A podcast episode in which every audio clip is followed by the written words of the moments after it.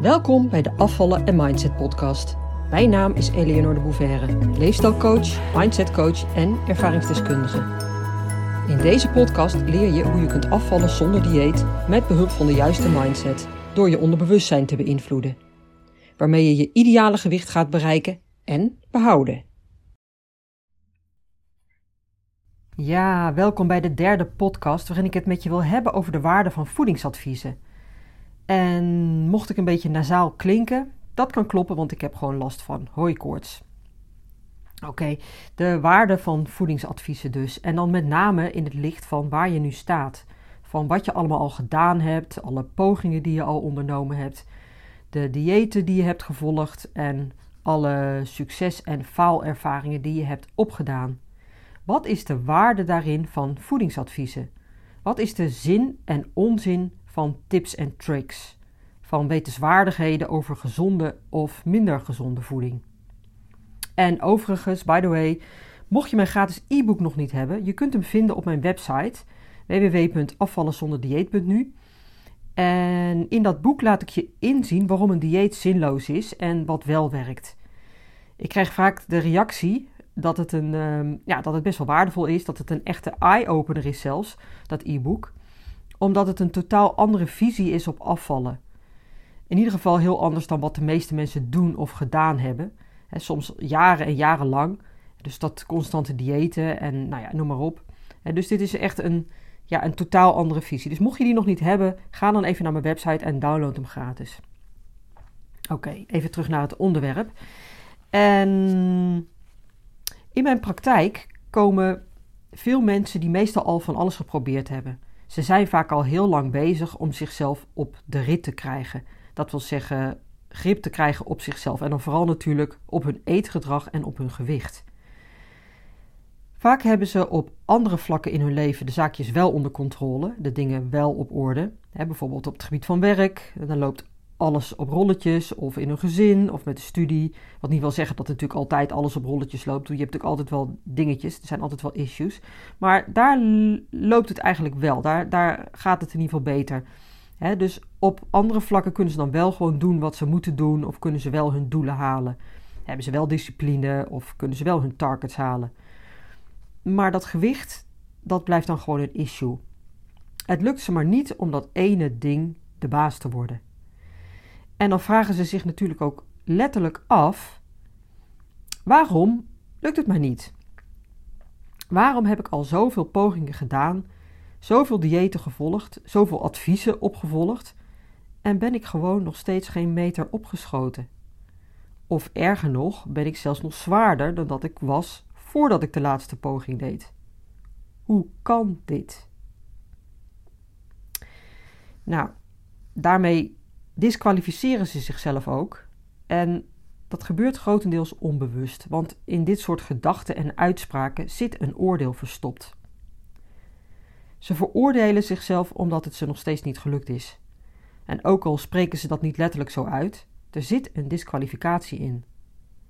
Ze kunnen van alles waarmaken en vanuit hun wilskracht en discipline hun doelen bereiken, maar dit ene ding niet. En elke keer probeerden ze weer iets anders, vol goede moed, vielen ze een paar kilo af en gebeurde er weer iets. Dan gebeurde er weer iets, uh, weet ik veel wat, uh, iets vervelends. En schoten ze weer terug in hun oude patroon. Waardoor ze alles pats uit hun handen lieten vallen. En als ik daar dan op doorvraag, dus op die vragen die ze zichzelf stellen, waarom ze andere dingen wel kunnen, maar dit dan niet, dan geven ze soms ook aan of best wel vaak eigenlijk, dat ze zichzelf een mislukkeling vinden. Een, ja, gewoon een loser. Want het zou toch zo simpel moeten zijn.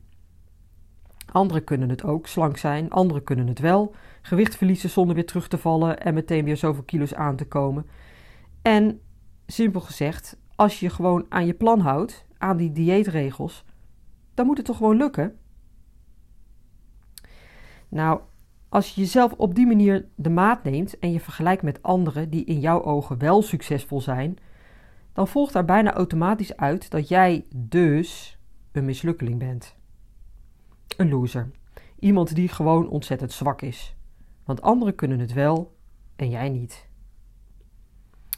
En overigens is het zo dat ook bij mensen die zich niet zozeer vergelijken met anderen, daar zie ik ook die zelfschaamte, dat zelfoordeel en dat zich minderwaardig voelen. Die leggen de lat voor zichzelf heel hoog en vinden dat ze dit moeten kunnen. Natuurlijk ook omdat het vaak voorgespiegeld wordt als eenvoudig. En de dieetindustrie speelt daar natuurlijk gretig op in. Dat weten we allemaal. Die probeert je wijs te maken dat het met dieet zus of dieet zo of met bepaalde afslanksupplementen een fluitje van een cent is om 10 kilo kwijt te raken in twee maanden bijvoorbeeld. En telkens geloofde je dat ook. En toch bleek het dan weer anders te werken. En was je daarmee je zelfvertrouwen en het geloof in je eigen kunnen, was je daarmee een beetje kwijt. Oké, maar het vergelijken met anderen zit hem dus niet zozeer alleen in die vergelijking met personen in je directe omgeving. Ook indirect, dus via social media of wat je in tijdschriften leest, vergelijk je, vergelijk je jezelf met anderen. En meestal doe je dat onbewust, want dit is iets wat we van nature eigenlijk al doen.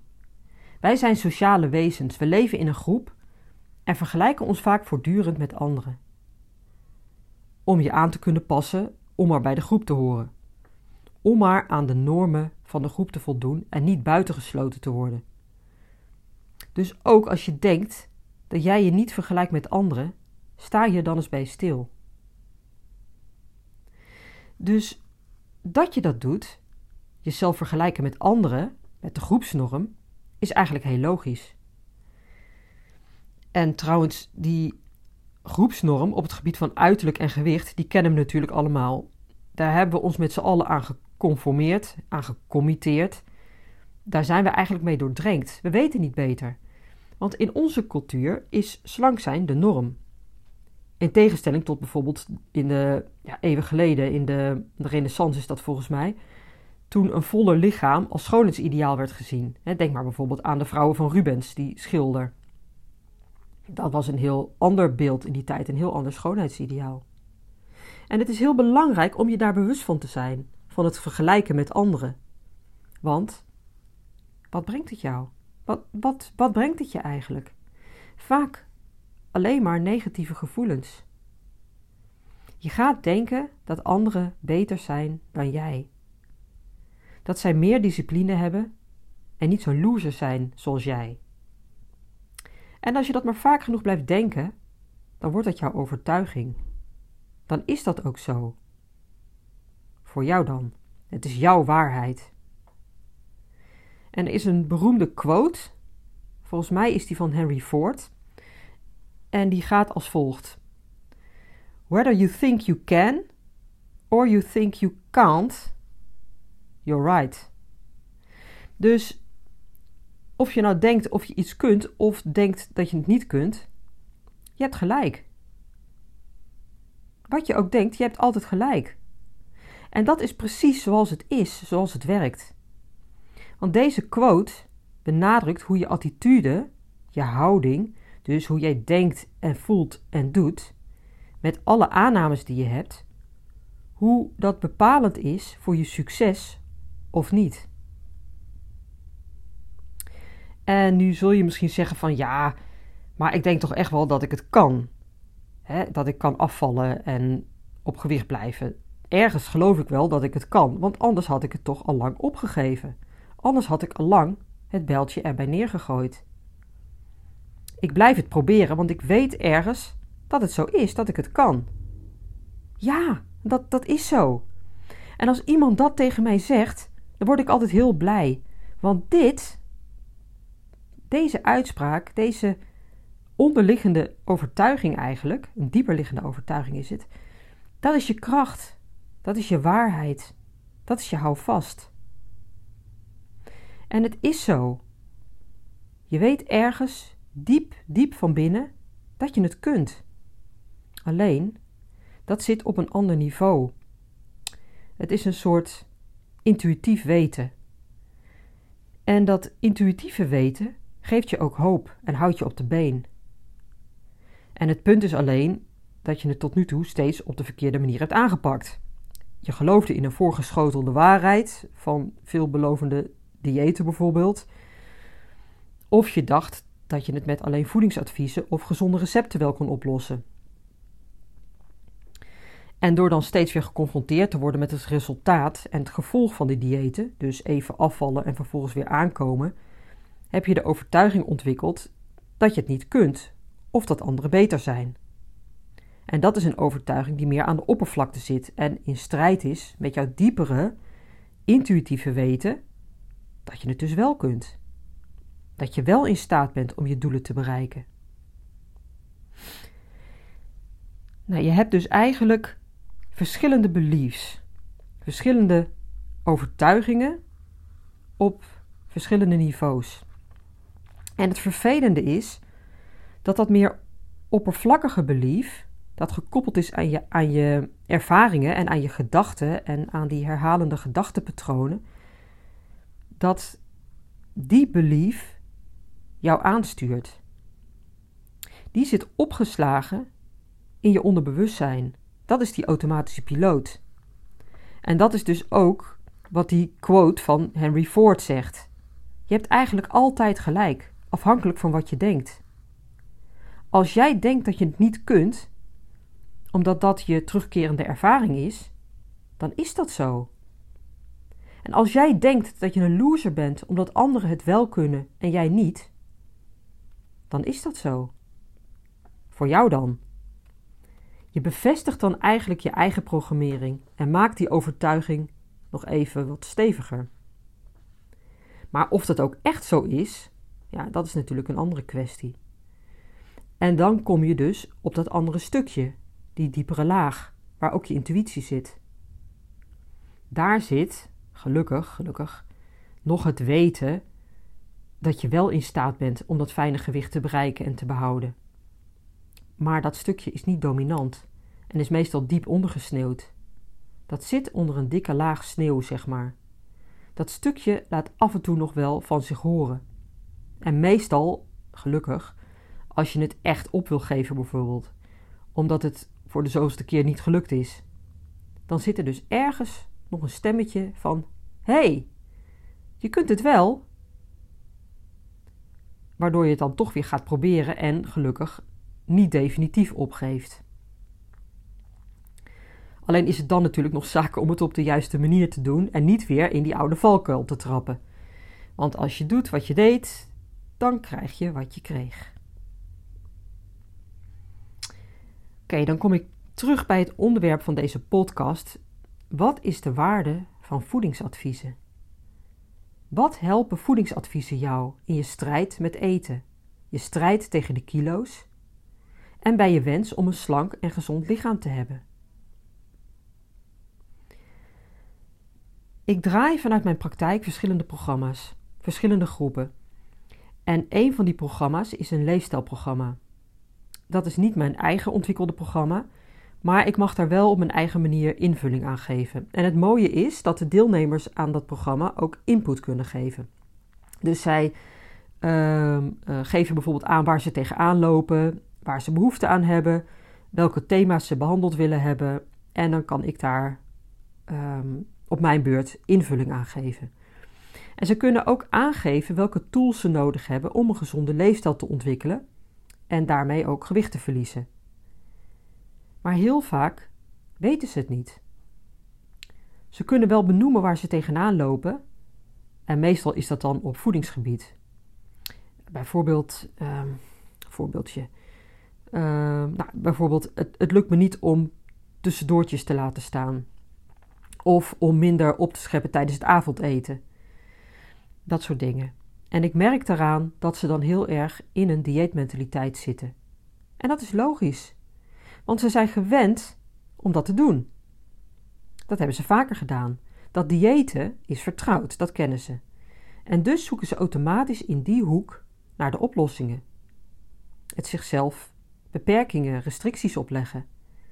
Het indelen van eten in goed of fout.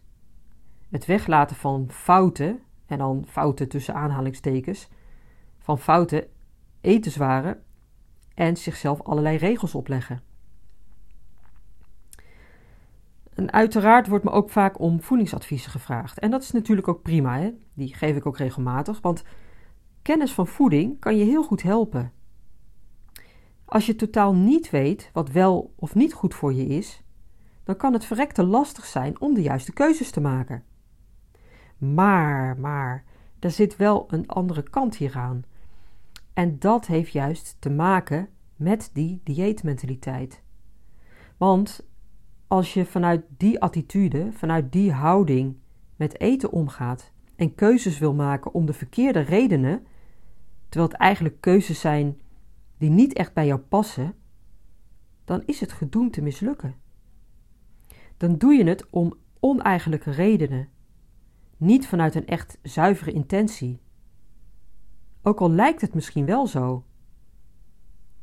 En het is dus vooral belangrijk om hierbij eens stil te staan en jezelf af te vragen: waarom wil ik adviezen over mijn voeding en mijn voedingspatroon? Wat is mijn intentie? Is dat omdat ik echt gezonder wil gaan leven, mijn leefstijl wil aanpassen en gaan onderzoeken wat wel of juist niet bij mij past? Of is dat omdat ik mezelf de dingen wil opleggen met als primaire doel het verliezen van gewicht? Oké, en ja, trouwens, dit onderscheid is vaak niet zo heel duidelijk te maken.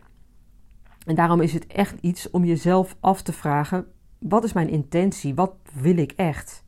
Een quick fix of een gezonder, slank lijf op de lange termijn? En de keuzes maken die ook echt bij mij passen.